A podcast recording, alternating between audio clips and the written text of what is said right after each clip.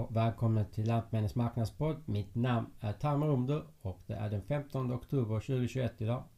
Ehm, vi har eh, rätt så volatila priser just nu. Ehm, vi hade en USD-rapport som vi kommer eh, gå igenom om en liten stund. Ehm, det är ju vad det är just nu. Vi kommer ha dessa tvära kasten på priserna. Vi har väldigt tajta globala spannmålslager och, och för oljeväxter. Eh, det bidrar till den här eh, starka priskasten som vi har just nu. Eh, det är ju lite motsatsen till exempelvis mot aktiemarknaden. Där brukar det bli mer volatil när priserna faller på aktier. Men den raka motsatsen inträffar i vårt fall. Att vi, när det blir tajta lager och små lager så brukar prisvolatiliteten öka rätt så kraftigt i, i vår del av marknaden. Så det är just det vi ser idag. Och eh, stark nedgång under veckan efter USD på vissa grödor och sen har vi fått återigen en uppsving här. Så det är ju det, det är ju väldigt känsligt läge just nu för väldigt många råvaror.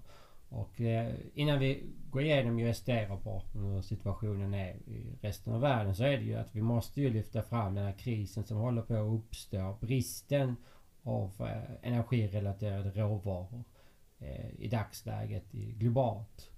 Ehm, det var ju, vi hade ju en, ehm, en La Nina vinter förra året och eh, det bidrog till att norra halvklotet fick en kallare eh, vinter än normalt och framförallt väldigt längre. Det gjorde att dessa här lagren som vi hade det ah, förbrukades ännu mer.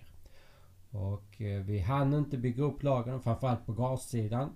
Eh, och nu har vi fått bristen istället. Eh, eh samtidigt så har vi haft en eh, väldigt stark ekonomisk tillväxt globalt eh, efter coronan, på grund, delvis på grund av coronan också eftersom väldigt många regeringar och centralbanker gick ut och pushade ut pengar. Och väldigt, det var en stödpaket efter en annan. Det var ju alla länder i världen som gjorde samtidigt. Det blev ju väldigt mycket billigt pengar ute och eh, med räntorna då så ökade ju investeringar, konsumtionen.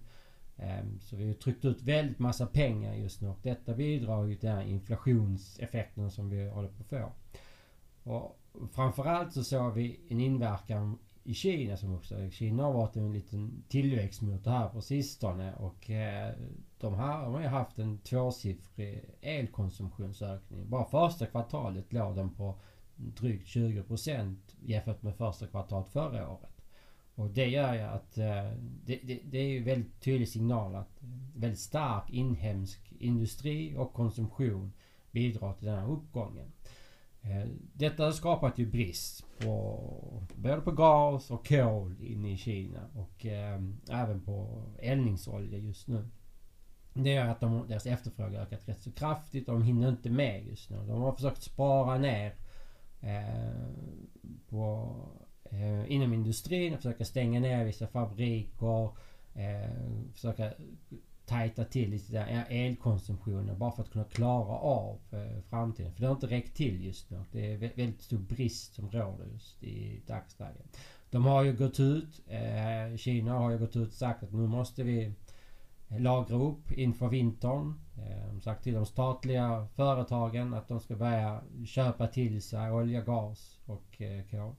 Ehm, och samtidigt så har de gått ut och de försöker ju också snäva till exporten. Framförallt på oljerelaterade produkter. Exempelvis bensin och diesel har ju börjat falla rätt så kraftigt på exportsidan från Kina. Och Kina är inte någon större aktör om vi jämför i, på den globala marknad på dessa produkterna, råvarorna jämfört med exempelvis sojabönan där de är 60-65%.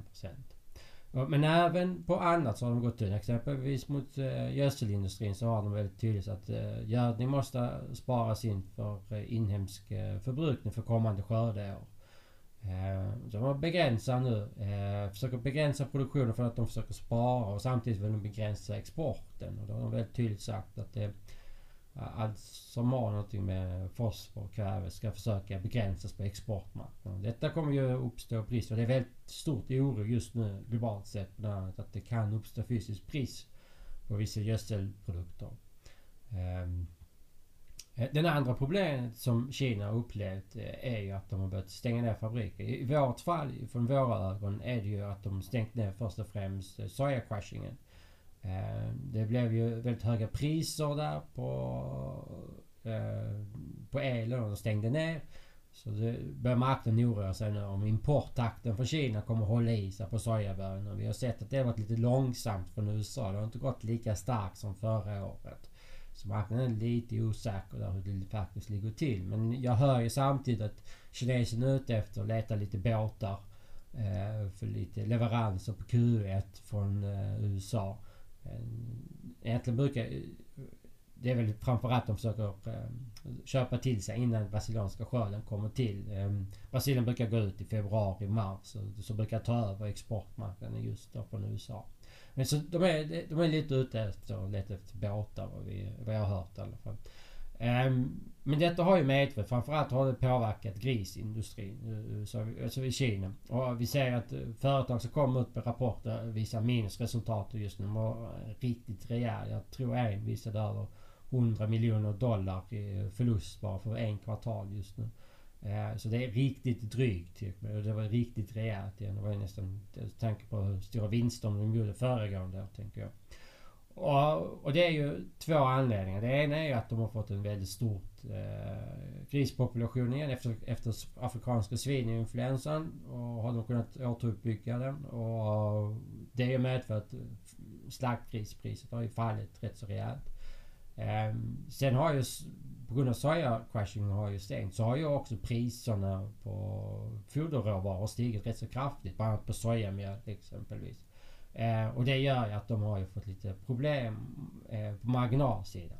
Den andra är ju att det finns problem på andra sidan leveranskedjan för dessa företagen också. Det är ju att eh, mellanhänder som ska sälja till grossister har ju också tvekat att köpa in för de har ju också stängt sina kylanläggningar för att spara in på energi eh, energikostnader.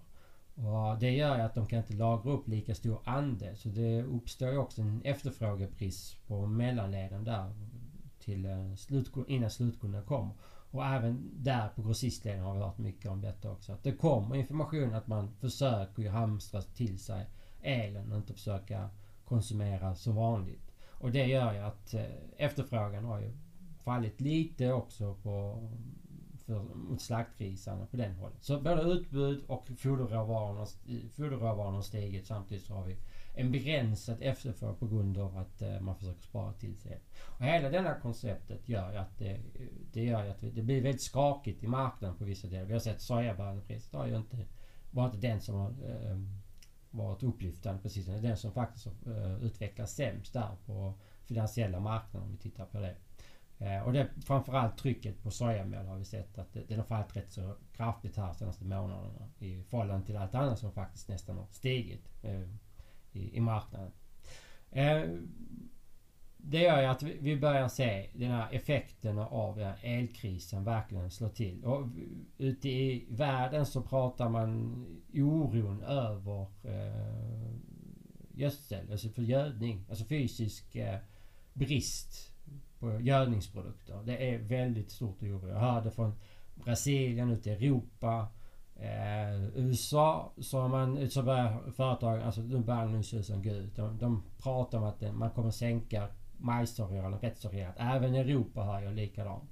Så skörd 2022 kommer att bli, ja det, det kan få en riktig stryk här. Eh, så man får inte underskatta riskerna som håller på att uppstå på grund av stora stigande priser på gödselprodukter, framförallt på urea men även på, även på fosfor och annat. Och det har ju skapat också en oro över eh, den fysiska bristen som kan uppstå. Eh, ute i Europa pratar man också att vi kan tappa majsarealer. Eh, och det kommer ju bli förmån för exempelvis malt, kanske gry, alltså havre. Så vi kommer få större arealer på den biten. Eh, den andra är att vi kanske får eh, också lite mer eh, ärtor och bönor pratar man just nu. Det är kanske lite sent med höstgrödor. Men framförallt är det väldigt tydligt att majsarealen kommer att minskas ute i Europa. Den andra är att man kommer kanske använda mindre gödsel och andra inputvaror. Och det kommer sänka avkastningen också. Det är väl den stora oron ute i Eh, ute i världen. Framförallt i Brasilien pratar man det också om att de säger om vi inte får tag på varan så kan vi bara, ja, så använder vi bara mindre gödsel och eh, då får vi lägre avkastning men då blir marginalen lika bra. Och så här, brasilianska lantbrukare har gått ut och sagt det ett antal eh, företag där som har sagt att de, det är mycket möjligt att lantbrukaren väljer den eh, leden. Och Brasilien är väldigt stora inom majs. Vi, vi fick ju en rätt så rejäl Eh, de fick en rejäl kyss i, i våras med en skörd som jag tror det var drygt 105 miljoner ton. Så man räknar med nu är vi nere på USDSNs prognos låg på 86 miljoner ton. Så 20 miljoner tappades på en av de största exportörerna på majs efter USA. Vi har de fyra stora på majsen. Det är USA, Argentina och Brasilien. Och Ukraina. Eh, det är de fyra. Eh, så det, det gör ju att det, det, är väldigt stort oro här. Vi, och majsen är också en eh, foderråvara som avkastar betydligt mer än vad exempelvis vete eller korn gör. Så det är väldigt stora differenser där. Jämfört med om vi tittar på Ukraina eller USA så ser vi, eller Brasilien, vilket annat land du tittar på så är ju majsen avkastar betydligt mer. Så, då så vi kommer bara tappa där på mm, totala foderspannmål eh, tillgången bara genom det. Alltså innan vi har ens sått det så ser det ut som vi tappar skörd. Och det, det är lite illa tycker jag. Jag tycker detta sänder ut lite väl varningssignaler. Sen är stora frågan, men det kan väl falla tillbaka. Men urean kan ju falla tillbaka. Gasen kan ju falla tillbaka. Och ja, ja det, det, det Självklart. Men just nu idag så ser jag inte det. Jag, jag ser bara hur stor brister det är. Alltså, titta på kol för de stora länderna som Kina och Indien. Det är ju lägsta lagren på över 10 år. Det finns ju inte där. Eh, eh, så, så någonting kommer ju börja ta stryk här. Och titta på gas. Alltså gaslagren. Europa som är den stora eh, landet som kan tillförse världen med lagerhållning för gas.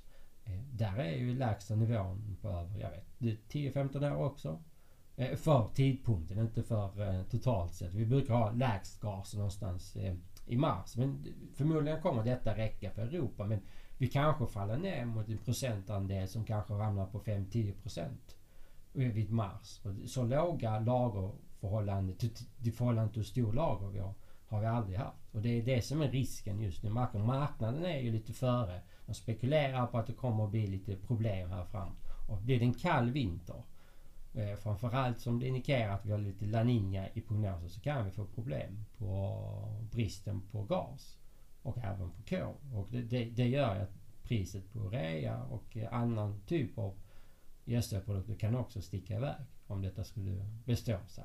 Så vi, vi har väldigt känslig marknad just nu. Även om det föll ner eh, här i början av eh, oktober. Jag såg att priset nästan halverades här.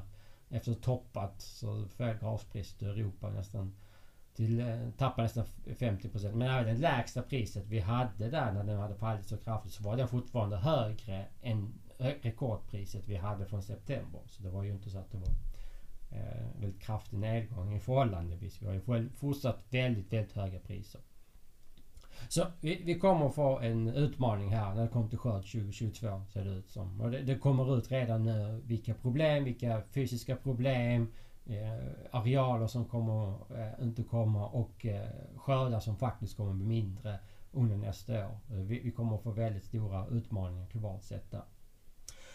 Uh, ja, vi får väl repetera lite. Uh, vi får ju uppdatera oss från USD-rapporten när vi har pratat lite om den marknaden. Så vi lämnar lite nu med uh, gödsel och annat. Um, ja, vi, vi fick en nedgång. Det var ju framförallt bönorna som följde USA och det var ju... De, de höjde lite sådär gammal eh, lager på USA. Och vi höjde... Det bidrog också delvis till också höja eh, kommande eh, lager eh, för kommande skörd. Lagren för kommande skörd. Det var ju högre avkastningssiffror som kom ut från USA på bönorna. Och vi är nu uppe för eh, skörd 21-22 eh, drygt 8 miljoner ton amerikanska sojabönslager. Och eh, då är vi över snittet 10-15 år. Eh, det, utmaningen här är att de ligger lite lägre på exporten. Sen finns det fortsatt den här frågetecknen kring eh, förnybar diesel som håller på att ske i USA. Man bygger ut kapaciteten väldigt kraftigt här. Och där, där är ju lite frågan om USD ligger lite för lågt där. För eh, de har ju gått ut lite med information som försöker vara lite långsammare men är det brist på annan typ av foder, alltså råvara till att producera förnybar diesel, då är det sojaoljan som gäller. Och, och dagsläget vet jag att det, det, är svårt för tåg tag på exempelvis jok och den vegetabiliska återanvända oljan. som kommer från restauranger exempelvis i USA. De har svårt med den. Eh, rapsen finns inte där för att Kanada fick en riktigt dålig skörd. Eh, förra året kunde de vända sig och köpa in rapsolja och på grund av att de har en eh, Eh, inga tullar, det finns frihandel där. Mellan länder med Kanada och USA så rapsen kostade ingen extra tullavgift. Men i år har ju kanadensarna fått dåligt så där har den också en problematik för deras del. Så, ja, så den kan vara lite, den kan ändras rätt så kraftigt. Sen beror det lite på också skörden blir i Brasilien. En riktigt gigantisk skörd som man förväntar sig på 145 miljoner runt kring. Eh, och det gör ju att eh, det kan ju hjälpa till att eh, ja, och hålla priset kanske nere. Sen är den här takten från Kina. Hur är läget med crushingen egentligen i, i landet? Är det så att de och stänger ner crushingföretagen eller ska de börja faktiskt importera mjöl och olja och eh, hålla ner eh, elkonsumtionen genom att ha stängt här istället. Så det är lite av eh, utmaningarna där i dagsläget med sojabönan. Sen är det lite bättre på, och, alltså om vi tittar på lite mer brist på rapsen. Det, det, är extremt, extremt låga globala nivåer just nu. Det har aldrig varit så här hypertight som det är. Och vi märker på, framförallt på eh, oljorna. När Kina stängde ner så försökte de köpa till sig mycket palmolja. Och, dag, och så någon vecka efter så, så var ju Indien där ute och bara nu stänker, tar vi bort alla tullar på vegetabiliska oljor. Ja, det, och Indien är ett väldigt stort land när det kommer till konsumtion av vegetabiliska oljor. Och det, det är bara allt det där det är just det, det, sker ju så, så mycket just nu samtidigt så, så man blir ju... Man hinner ju inte nästan med med alla den nyhetsflödet som kommer in i marknaden. Men lite högre lager på majsen fick vi i alla fall från USD i, i, veck, i veckan. De stora är... Eh, det var ju majsen. Eh, där sänktes det Ukraina som har en rekordskörd och rekordexport på gång. Och det behövs med tanke på hur Brasilien fick med sin majsskörd under eh, våren här. Och eh, det, det sänktes med en miljon. USA höjdes med en halv miljon. USA förväntas få en skörd, andra största skörden. Över 380 miljoner ton majs produceras. Eh, skiljer inte mycket där mellan de toppnoteringarna. Jag tror rekordnoteringen på 3,84 om jag inte misstar mig.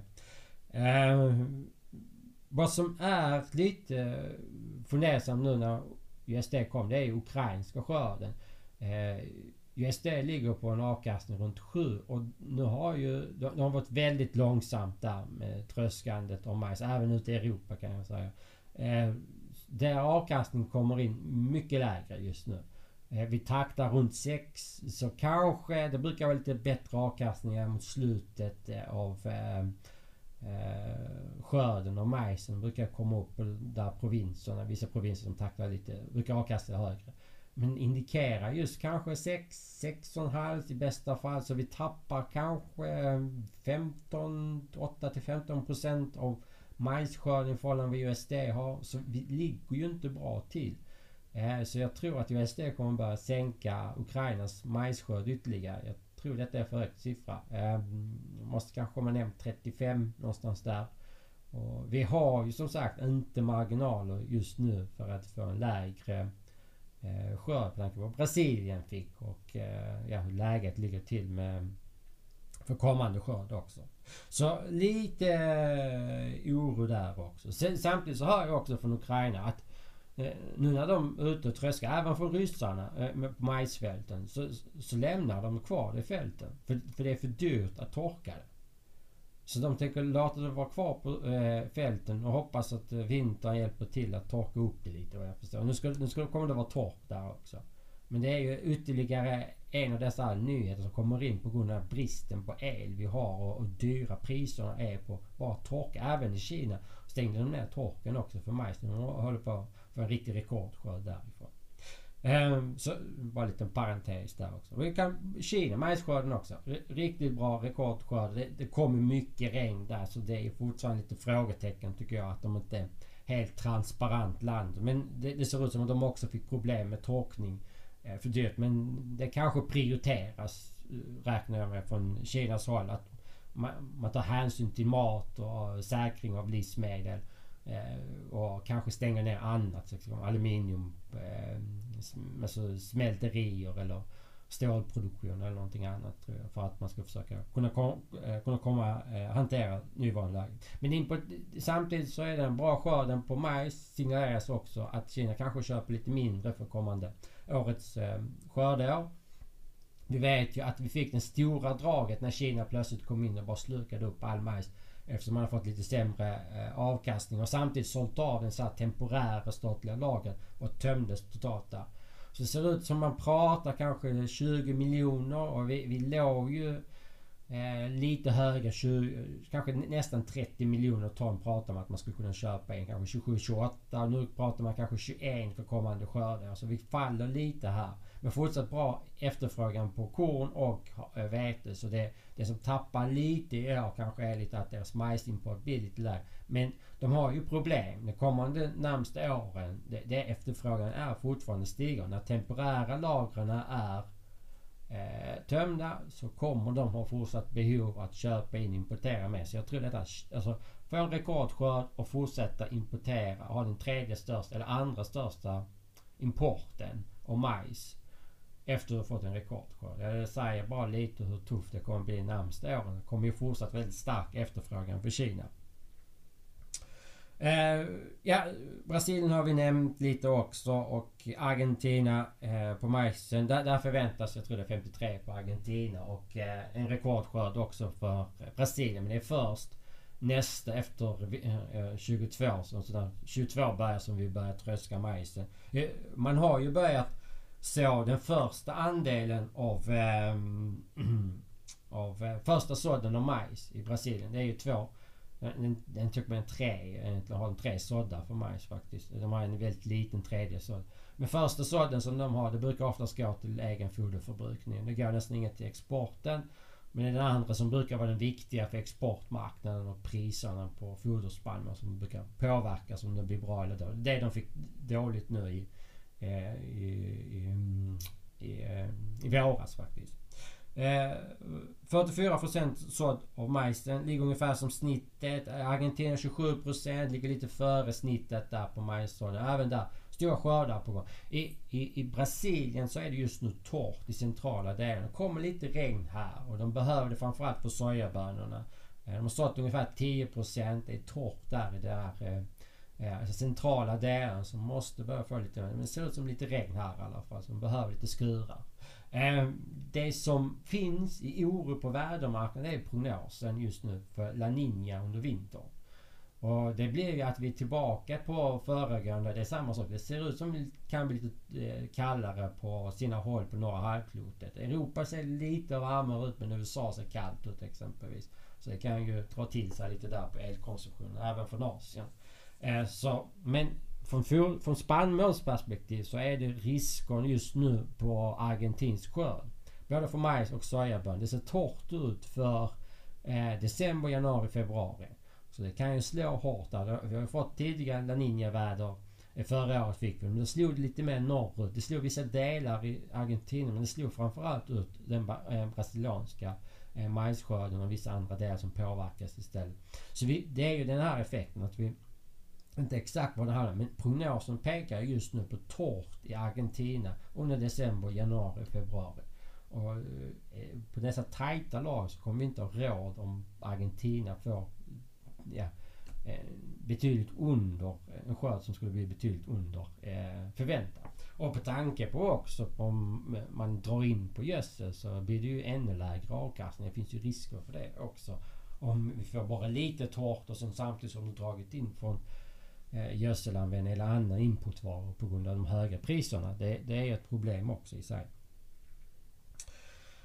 Ja, eh, ska vi gå vidare till lite vete också så får vi väl avsluta, runda av lite detta. Det är ju vår marknad egentligen detta. Eh, global lager på vete sänktes med 6 miljoner ton. Eh, man höjde ju gammal förbrukning. Det, det ser ut som vi har mer som går till foder på vetehållen. Eh, bristen på majs eller andra råvaror gör ju den här situationen väldigt, väldigt eh, tight och då måste man ta till sig vad som är tillgängligt. Eh, man sänkte Kanada igen. 2 miljoner ton. Både skörd och export med 2 miljoner ton sänkte USD. Och eh, då har vi sänkt Kanada med 14 miljoner ton jämfört med förra året. Detta är lägsta skörden sedan 08 och exportsiffran den lägsta sedan 05. Och Kanada tillhör ju dessa topp 7 på exportmarknaden. Och det är ju slått allting. Alltså det, havren, riktig katastrof. Kanol, alltså rapsen, durumvete. Det är högprotein, brist på det överallt. Även lågprotein börjar höra det. är samma sak i, norra, i Nordamerika. Malt, ja. Vi har ju priser 300 plus på vissa marknader. Ja, det, det är på, jag tror malt över 300. Jag tror grynhavre börjar väl eh, komma upp där någonstans också. Om detta här fortsätter sig kanske. Eh, så vi, vi har ju väldigt stor bristsituation eh, i dagsläget. Eh, vi har ju också en skörd från Ryssland som hamnar ju 13 miljoner lägre på veteskörden jämfört med förra Det är inga större ändringar där men bara för att uppdatera läget. Kommer från 85 ner till 72. Eh, vi har en lägre skörd på gång på ryssarnas sida. Europa, lite motsatsroll. Vi har 13 miljoner ton högre enligt USDs senaste siffror. De höjde ju någon, alltså en halv miljon ton ungefär på skörden. Höjde också exporten till 35,5. Så nu är Europa eh, nummer ett på veteexport globalt sett enligt USD Eh, för skörd 21-22. Och detta är första gången vi slår ryssarna på nästan fem år. Eh, ryssarna har varit eh, nummer ett nu i fyra år på raken. Så nu får de lägga sig till. Och det, det stämmer Vi har ju väldigt stark export som kommer just nu från Europa. Nästan 40 procent här. Jag tror den kanske ligger lite med bättre. Ehm, e EU-kommissionen brukar justera lite sådana här veckostatistiken som kommer till. Jag tror de ligger lite under och det ser ut som att vi ska takta lite större. Ryssland 12% under förra året men de har ju problem med sin exporttull därifrån. Så de är ju inte konkurrenskraftiga prismässigt. Men när andra är klara med sin export här i början Eh, framförallt från Europa så ser vi att det kommer ju mycket från eh, eh, sydöstra Europa och Baltikum exempelvis. För sydöstra Europa, Rumänien och Bulgarien fick rekordskörd. Extremt bra skördar. Även från Ukraina. Eh, det finns lite brist på exempelvis från Rumänien och Bulgarien att eh, de brist på kapacitet att lagra. Så de kommer ju ut direkt och de konkurrerar ju ut. De sätter ner priserna så de får ut varan rätt så snabbt. Och det tar ju bort lite rysk konkurrens i Svarta havet. Eh, men när den är slut så tror jag att ryssarna kanske blir lite mer eh, tillgängliga och eh, exporttakten börjar eh, öka till sig. Eh, Ukraina 7% före föregående år. Rekordskörd på vete och rekordexport räknas också härifrån. Så det kommer att bli gott om eh, tillgång till. Även Australien eh, och Argentina. Om små så är de viktiga i dagens marknad. Vi får... Det är brist totalt sett på spannmål och vete behövs. Även korn och raps och kanol och allting. Så det är ju det, det, är ju väldigt eh, tajta situationer just nu i dagens marknad.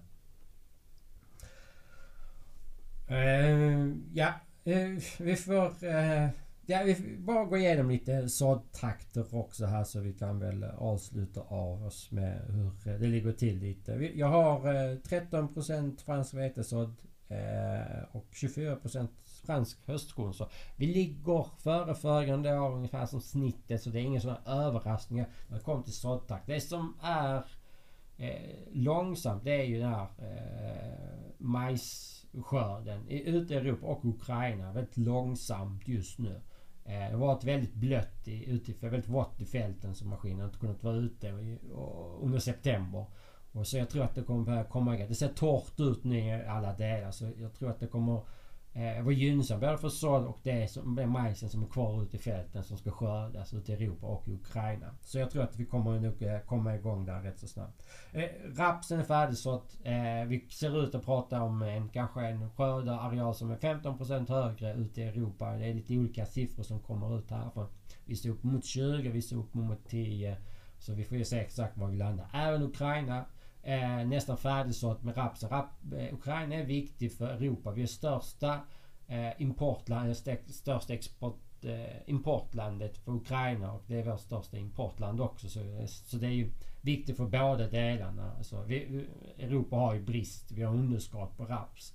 Eh, även för en större areal så kommer det inte räcka på långa vägar. Så vi kommer behöva fortsatt importera. Eh, så det är väl det. Men vad jag hör från Ukraina att det kommer statistik från vissa eh, provinser, ukrainska provinser som visar att eh, rapsarealen blir högre än vad man prognostiserade. Eh, så det ser ut som man har sått lite mer raps än vad som man sa i början. Så jag tror att vi kommer få lite höjningar. Inte några gigantiska men det ligger ju åtminstone på vissa provinser 5% högre just nu på sådd rapsareal som har kommit in på datasidan. Så det ser ut som att få lite större eh, raps Eh, just nu i dagsläget. Eh, om... Som sagt. Eh, korn Vete, vete är 63% i Ukraina, 38% korn. Vi, vi ligger före där så det är ingenting som är oroväckande. Det ser rätt så bra ut. Men det, det är ju den här signalen. Vi kommer nog få en lägre majsareal. Jag vet inte hur det ligger till i Ukraina och Ryssland men det, det, kommer nog bli lite... Ja, måste ändras. Det kanske blir... I Frankrike pratar man exempelvis Så det kan bli lite... I Frankrike och även i sydöstra delarna att man väljer bort majsen och så lite mer solrosfrön exempelvis. Så det är väl lite det att vi kommer ju se andra grödor komma in istället för majsen just nu. För den, ekonomin går inte ihop just nu för lantbrukarna eh, för att så majs ute i Europa och i USA också faktiskt. Eh, Ryssland kan jag också nämna lite snabbt. Eh, 74% av höstsveten hade jag sått här. Eh, vi är näst intill avklarat. Det är total slutspurt där sista sträcken, sista biten här på vårvete som ska tröskas ut i Ryssland. Eh, lägre areal väntas på höstvete. Eh, jag har hört redan att anledningen och förklaringen varför eh, veteskörden i Ryssland blir lägre att faktiskt de använder mindre gödsel. Eh, nu kan jag inte bekräfta men det är väl lite pratat med lite folk som har sagt det och, eh, uti, och det signalerar lite att det är väl den riktningen på väg. Och i Rysslands fall så beror det på att lantbrukarna var osäkra hur deras prissituation skulle ligga. Vad de odlarprisen skulle hamna på. Eftersom det blev tullar och det gjorde det blev en osäkerhet för ryska lantbrukare så tog de inte risken med att eh, sänkte de kostnadssidan istället för de visste inte hur, hur eh, inkomstsidan, intäktssidan skulle bli. Och, och, det är väl lite den dragen kanske vi ser även, ja att Ryssland kanske får eh, med lägre areal kanske svårare att komma upp på dessa avkastningsnivåer som vi tidigare haft. Men det är ju, och sen dagens prisläge talar ju inte för att de kommer återgå till att använda mer gödsel. Det, de kanske ser redan nu att de får rätt så bra betalt och, eh, men, håller ner kostnaderna samtidigt som de har bra marginaler också framåt. Eh, lite USA också. Vi går över till Atlanten. Eh, det är ungefär eh, drygt 40 på majsen, nästan 50 på sojabönan som är tröskade. Eh, takt ungefär som snitt. Det är inga överraskningar överhuvudtaget eh, om man vill titta på sånt. Det är väl majsen i Europa och Ukraina som är ju efter. Eh, Vete 60% sådd. Det är ju exakt i femårssnittet som också ligger på 60% av höstvete i USA som är sådd. Um, vi får väl se hur detta här landar. Men jag, jag, jag är ju som sagt, jag, jag, kommer få, vi får avsluta här. Det börjar bli lite långdragen märker jag. Um, jag är fortsatt bullish. Det är ju brist på allting jag, jag, kan inte säga att det inte är brist på någonting. Alltså, det är väl mjölet i sig, så rapsmjöl, sojamjöl som ser lite svagare ut än andra. Så även bönorna. Lite frågetecken på tanke på hur stora skördar vi är på. Kanske på gång här från både Sydamerika och USA. Men, eh, och sen lite frågetecken med hur snabb den här uppbyggnaden sker i eh, förnybar diesel för kommande eh, år. Men jag, jag, tycker att vi ligger lite för högt på lagersiffran där eh, på bönorna. Men och för, för att majsen ska komma igång så måste någon börja köpa upp det. Och det är oftast Elkina som man tittar sig fram emot. Men jag tror de är rätt så färdigköpta. För vi se om annan kommer till där och försöker köpa upp. Vete väldigt stark import. Alltså inte bara export. Alltså Indonesien, Turkiet, Algeriet, Iran. Ja, du kan nämna dem. De är så starka på importen på vete just nu. Det är delvis foder. Det, det har varit lite mer prisfördelaktigt i förhållande till majsen på gammal skörd. Eh, samtidigt så är det väldigt starkt behov just nu. Väldigt många länder som importerar har fått en sämre skörd än eh, inhemsk skörd. Och det gör att deras importakt ligger lite högre än vad de gjort tidigare. Eh, Egypten har ju varit ute och annullerat nu igen eh, sin, eh, sin ten anbud som de kommer ut på. Egypten är ju den största importören, man ska säga så. Och GASK är ju den stora som eh, statliga organen som man brukar följa från Egypten. Eh, man måste förstå också att även Egyptens största så är, ligger de på 10% plus. Det är inte så att de har en överväldigande majoritet av importmarknaden på vete. Inte som Kina på sojabönor som ligger på 60-65%. Men dock en signal. Där eh, är det vissa jämförelser som görs med tre år tillbaka när Egypten var Eh, gjorde ungefär en likartat beteende. Man annullerade väldigt mycket och sen plötsligt kom de till december, januari, februari och sen upptäckte ja, vi ligger lite för efter och nu måste vi höja takten. Och det är det de gör just nu. Tycker jag. De ligger 30% efter importtakt. Och det, då ställs den här frågan, kommer de bete sig likadant som de gjorde för tre år sedan och börja köpa upp sig? Och det är en tight, tight marknad vi har på vete just nu. Så jag tror att det blir eh, oroväckande. Och marknaden kommer börja bli orolig också för kommande skördeår. Eh, framförallt om gödselpriserna håller sig. Jag tror att de kommer hålla sig i dessa nivån. Kanske till lite högre på tanke på var gaspriset ligger just nu ute i Europa. Eh, det är väldigt många som har ju eh, begränsad produktion. Det är ju lite hög, det är ett äldre eh, fabriker här i Europa som gör att de har kanske lite högre kostnader i förhållande till de ny, lite nyare varianterna om man ska säga så. Det gör ju att man måste kanske komma upp lite högre på exempel pris på rea för att de ska återgå till eh, ja, eh, en full kapacitet av produktionen. Eh, annars är det ju den risken för bristen också. Det kan ju också få priset sticka iväg. Om, och det är ju också det, är det som marknaden är väldigt orolig över just nu vad jag förstår. Att det är fysisk brist på råvaran på importvaror. Och det, det, är, det är ett problem i sig. Så jag har ju inget mer än det att jag, jag är fortsatt väldigt bullish. Det som kan inträffa nästa år tror jag också att man måste ha uppmärksammat. Om majsen försvinner så är det mycket mer att man kanske sår eh, vårkorn och havre. Och det kan göra att dagens väldigt höga priser på dessa kvaliteter på maltkorn exempelvis grynhavre kan bli inte så höga nästa år. Eh, för det kommer förmodligen på brist på foderspannmål, inte på kvalitet som gryn och vårkorn. Om vi får eh, lite normala skördare. alltså att om Kanda kommer tillbaka exempelvis, att de får normal skörd på korn och havre så, så är vi kanske inte, har vi inte kanske dessa tajta balansen på dessa här grödorna. Så jag tror att det är någonting att vara uppmärksam. Även den större lite arealen på rapsen. Vi kommer inte ha den exceptionella tajta situation som vi har i år på rapsen. Det, den är väldigt, väldigt unik tycker jag just nu. Så kommer kan tillbaka och vi får okej okay skördar avkastningen så tror jag att vi har låga lagernivåer. Lag, låga lagernivåer. Men kanske inte så här exceptionellt extremt låga. Men foderspannmål, det kommer att bli brist nästa år. Som det ser ut just nu. Jag får tacka så hemskt mycket för att ni har lyssnat. Eh, ni får ha en fortsatt trevlig dag. Hej hej!